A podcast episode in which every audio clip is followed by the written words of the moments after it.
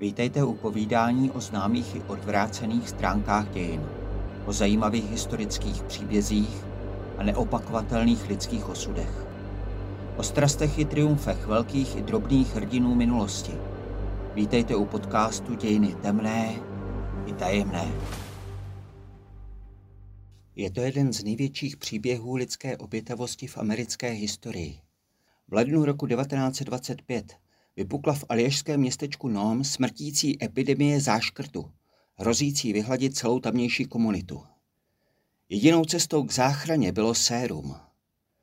20 mušerů psích spřežení nasadilo život, aby v děsivé štafetě se smrtí doručili toto sérum na vzdálenost přesahující tisíc kilometrů.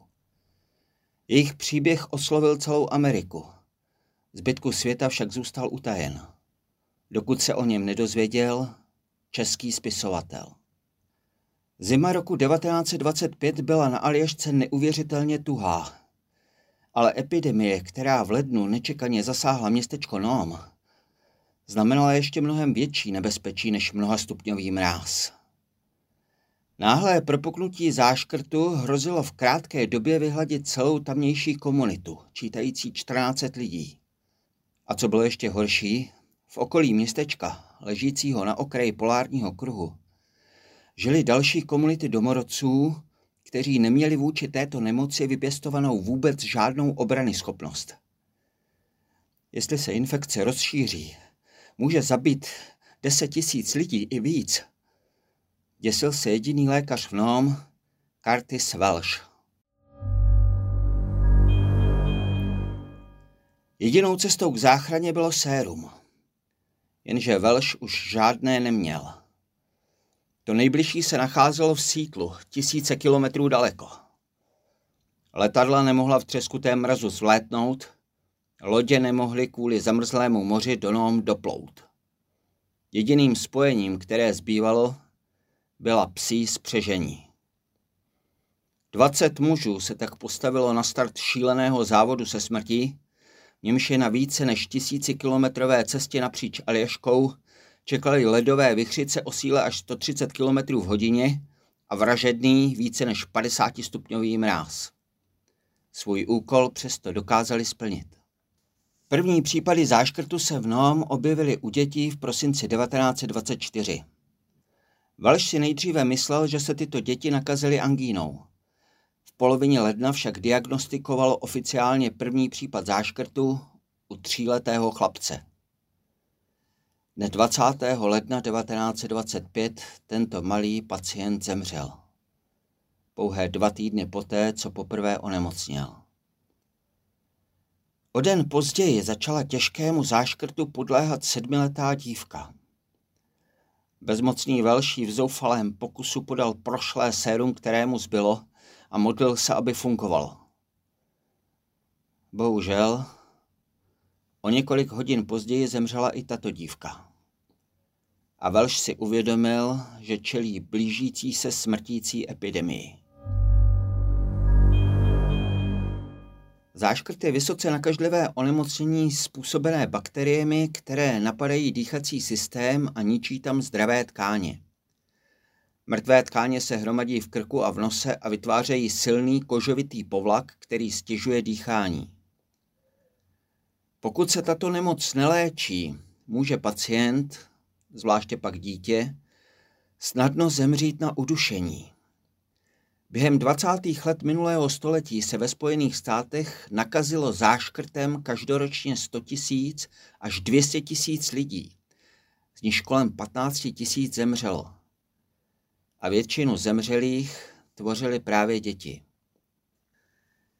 Naštěstí v té době už existoval lék. Bylo to sérum vyrobené z krve imunizovaných koní. Tato krev obsahovala protilátky, které dokázaly neutralizovat toxín produkovaný bakteriemi. Německý lékař Emil von Biering, jenž objevil tento antitoxin koncem 19. století, Získal za svou práci v roce 1901 první Nobelovu cenu za fyziologii a lékařství. Velšovi ale zachraňující lék došel a jakýkoliv další se nenacházel blíže než tisíce kilometrů od Nóm. Ještě týž večer se lékař spojil s místním starostou kvůli svolání městské rady ohledně hrozícího nebezpečí a následující den už začaly telegrafní stanice všech ostatních velkých měst na Aljašce přijímat zoufalou Velšovu depeši úpěnlivě prosící o pomoc. Epidemie záškrtu je zde téměř nevyhnutelná. Stop. Potřebuji naléhavě 1 milion jednotek antitoxinu proti záškrtu. Stop. Jedinou možností dopravy je pošta. Stop. Stálo v tomto telegramu. Na základě Velšova volání se okamžitě sešla zdravotní rada pro aljašské území, aby na mimořádném zasedání rychle probrala všechny možné způsoby, jak sérum doručit. Ukázalo se, že to nebude vůbec jednoduché. Letadla byla v tak velkých mrazech vyloučena. Americká pošta už to s nimi zkoušela, ale nejdelší vzdálenosti, jaké letouny dokázaly v takovém počasí urazit, byly pouze do 420 kilometrů a to ještě několik strojů muselo předčasně nouzově přistát. Rada tedy nakonec rozhodla, že požadovanou zásilku, jež byla k dispozici v sítlu, dostane na Aljašku po moři šestidenní plavbou do města Seward, ležícím v zátoce vzkříšení. Až do Nóm se kvůli zamrzlému moři plout nedalo. Ze Sewardu mělo být sérum převezeno po železnici do aljašského města Nen a odtud do Nóm pomocí štafety z psích spřežení. Kritickým faktorem byl čas. Na severu propukala epidemie a hrozilo, že i když pomoc dorazí, bude už pro všechny Velšovy pacienty příliš pozdě. Této situaci se poprvé usmálo na zdravotníky trochu štěstí. Železniční nemocnice v Anchorage našla ve svých zásobách posledních 300 tisíc jednotek, které okamžitě zabalila a odeslala vlakem do Nénen. To by mělo epidemii udržet na úzdě, než dorazí větší zásilka, pomysleli si pánové ze zdravotní rady. Jenomže z Nénen do Nóm zbývalo neuvěřitelných více než tisíc kilometrů ledovou aljašskou pustinou. A jediným dopravním prostředkem, který něco takového mohl alespoň hypoteticky zvládnout, byla psí spřežení. Americká pošta okamžitě zverbovala telegrafem své nejlepší mušery na Aljašce, kteří se rozmístili podél celé trasy. Za obvyklých podmínek by trvalo doručení pošty tímto způsobem 25 dní. Jenže Velš ani jeho pacienti neměli tolik času. Takže ačkoliv v té době panovaly ty téměř nejhorší atmosférické podmínky, jaké si lze představit, museli jezdci se svými psy absolvovat celou trasu za méně než čtvrtinu tohoto času. První desetikilové balení séra dorazilo na železniční stanici 27. ledna 1925 v noci. Vyzvedl je první účastník psí štafety, mušer William Shannon, přezdívaný Divoký Bill. Naložil drahocený náklad na své saně tažené jedenácti psy a vyrazil přes zamrzlou řeku. Krutému mrazu čelil tak, že běžel vedle saní, aby se zahřál. Jenže jeho úsek cesty měřil 80 kilometrů. Bill se neustále potýkal s podchlazením, po cestě ztratil tři psy. Přesto svůj úsek dokončil. Když předával zásilku dalšímu jezdci, měl obličej na řadě míst úplně černý od omrzlin. Od Shannona převzal balíček Edgar Callan, kterého čekalo 50 kilometrů do Manly Hot Springs. Cestu zvládl bez větších nehod, ale když dorazil k cíli, ukázalo se, že mu ruce přimrzly k řídítkům saní. Aby ho vyprostili, museli mu je polít horkou vodou. Několik dalších mušerů převezlo zásilku do Bishop Mountain, kde se jí ujal Edgar Nolnar. Toho čekal zase jiná nesnás. Na cestu padla hustá ledová mlha, kterou se psí spřežení jen těžce prodíralo ku předu. Dva vůči psi smečky v těchto podmínkách bohužel omrzli a skolabovali, takže těžce zkoušený Nolnar musel tlačit saně sám. Když konečně dorazil do cíle svého úseku, oba psy byly mrtví. Další 58-kilometrový úsek obstaral mušer Tommy Patsy, který přidal antitoxín Jacku Nikolajovi. A tabaský domorodec Jack Nikolaj, zvaný Jack Screw, byl malý muž známý svou neobvyklou silou. Jeho úsek vedl z městečka Kaltak do chaty staré ženy a Jack jej zdolal tak, že běžel vedle saní, aby je odlehčil. Do chaty dorazil ve 21.10 a za sebou měl přes 40 mil obtížné stezky přes ledové pole. Přesto ještě během noci sjel dolů k Nortnovu zálivu a v pět hodin ráno tam předal sérum dalšímu mušerovi jménem Miles. Ten měl před sebou volbu. Buď to vzít nebezpečnou zkratkou přímo přes záliv a ušetřit tak den, nebo záliv obět bezpečnější cestou a ztratit čas. Miles zaznamenal blížící se bouři a rozhodl se cestu přes záliv neriskovat. Bylo 31. ledna 1925. V NOM se v tu dobu zvýšil počet případů záškrtu už na 27. Veškerá naše naděje se upíná ke psům a jejich hrdinským vodičům. Zdá se, že Nómé je opuštěné město. Napsali místní noviny. Na druhý den se počet pacientů zvýšil na 30. Stříc blížící se pomoci vyrazil přímo z Nóm ostřílený mušer Lénard Sépalej, který během tří dnů urazil 274 kilometrů, aby převzal zásilku. Jeho spřežení vedl mimořádně houževnatý pes Togo, což bylo potřeba, protože právě tento mušer se rozhodl zdolat ten nejnebezpečnější úsek cesty. Již zmíněnou zkratku přes Nortnův záliv. Záliv byl sice zamrzlý, ale led byl v neustálém pohybu kvůli mořským proudům a trvalému větru. Na některých místech vytvářel bariéry z navršených, rozbitých, zmrzlých kusů. Na jiných byl naopak tak vyleštěný a hladký, že na něm klouzali i psy. Někde se v něm objevovaly trhliny, které se mohly kdykoliv rozšířit a pohltit jezdce i se spřežením. Do Mušhera se navíc opíral ledový vychr, který pocitově snižoval teplotu až na minus 65 stupňů Celzia.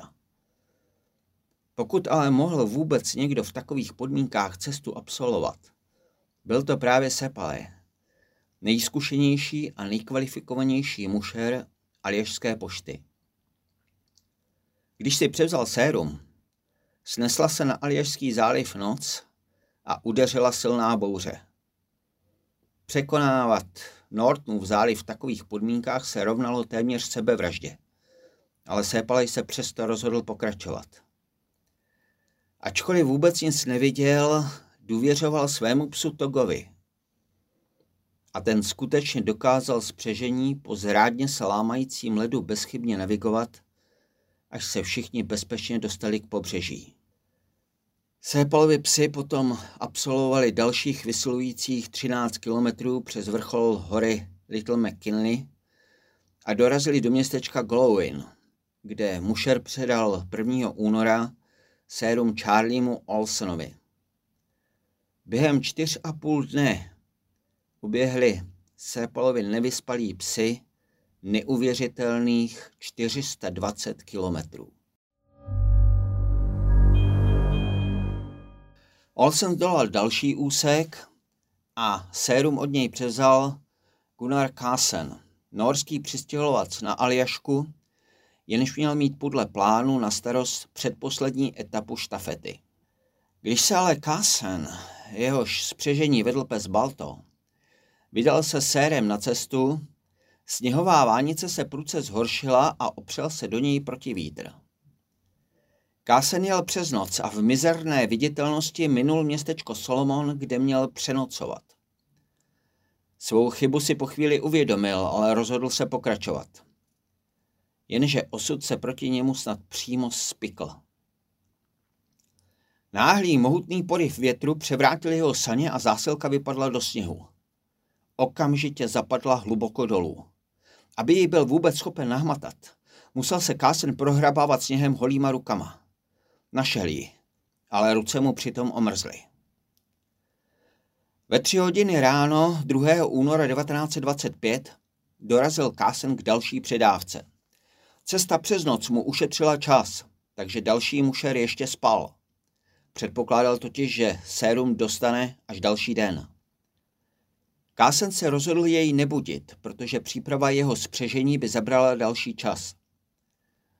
Zatímco Kásenovi psy byli zapřažení a zatím stále vypadali v dobré kondici, včetně Balta, na němž nejvíce záleželo. Mušer sám se rozhodl ignorovat své omrzlé ruce. Když dojel až sem, zvládne i zbytek. Je pravda také možné, že si v tu chvíli nechtěl nechat ujít slávu toho, kdo sérum doveze. Ale i kdyby tomu tak bylo, tato ctižádost sloužila dobré věci. Před sebou měl posledních 40 kilometrů pustinou. Urazil je za dvě a půl hodiny a v půl ráno vyjel konečně do Nóm. Ani jedna ampule nebyla rozbitá. Psovod se ohlásil u lékaře, který dal sérum okamžitě rozmrazit. Kolem poledne 2. února 1925 mohl šťastný Welsh po dlouhé době poprvé aplikovat záchranou injekci prvním pacientům. Tři dny na to začal záškrt v NOM konečně ustupovat. Do té doby dorazila i zbývající várka jednoho milionu ampulí, kterou opět dopravili na saních stateční jezdci Aljašské pošty. Také tohoto druhého běhu se zúčastnila řada účastníků prvního závodu, a to i přesto, že mnozí z nich ještě nebyli v pořádku a při druhé cestě čelili podobným útrapám. Městečko Nom však bylo zachráněno. Všichni mušerové i jejich psy obdrželi pochvalné dopisy od amerického prezidenta a Sejpelej i Kásen se spolu se svými psy Togem a Baltem stali celonárodními celebritami. Těsně před druhou světovou válkou se o tomto hrdinském příběhu dozvěděl český učitel a spisovatel František Omelka, autor řady tehdejších dobrodružných knih pro mládež. Obětavost aljašských mušerů ho okamžitě uchvátila a v čase okupace pro něj znamenala velkou inspiraci i povzbuzení. Právě v těchto letech tak sepsal svůj zdaleka nejslavnější a nejúspěšnější román Štafeta, němž celý příběh literárně zpracoval. Protože byl sám výjimečně nadaný, přeložil jej do řady světových jazyků a kniha vyšla těsně po válce v mnoha zemích a dobila si světovou pozornost. A spolu s ní i příběh statečných mužů, kteří svedli na Alježce vítězný závod se smrtí. U dalšího dílu podcastu Dějiny temné i tajemné se těší naslyšenou Jaroslav Krutka.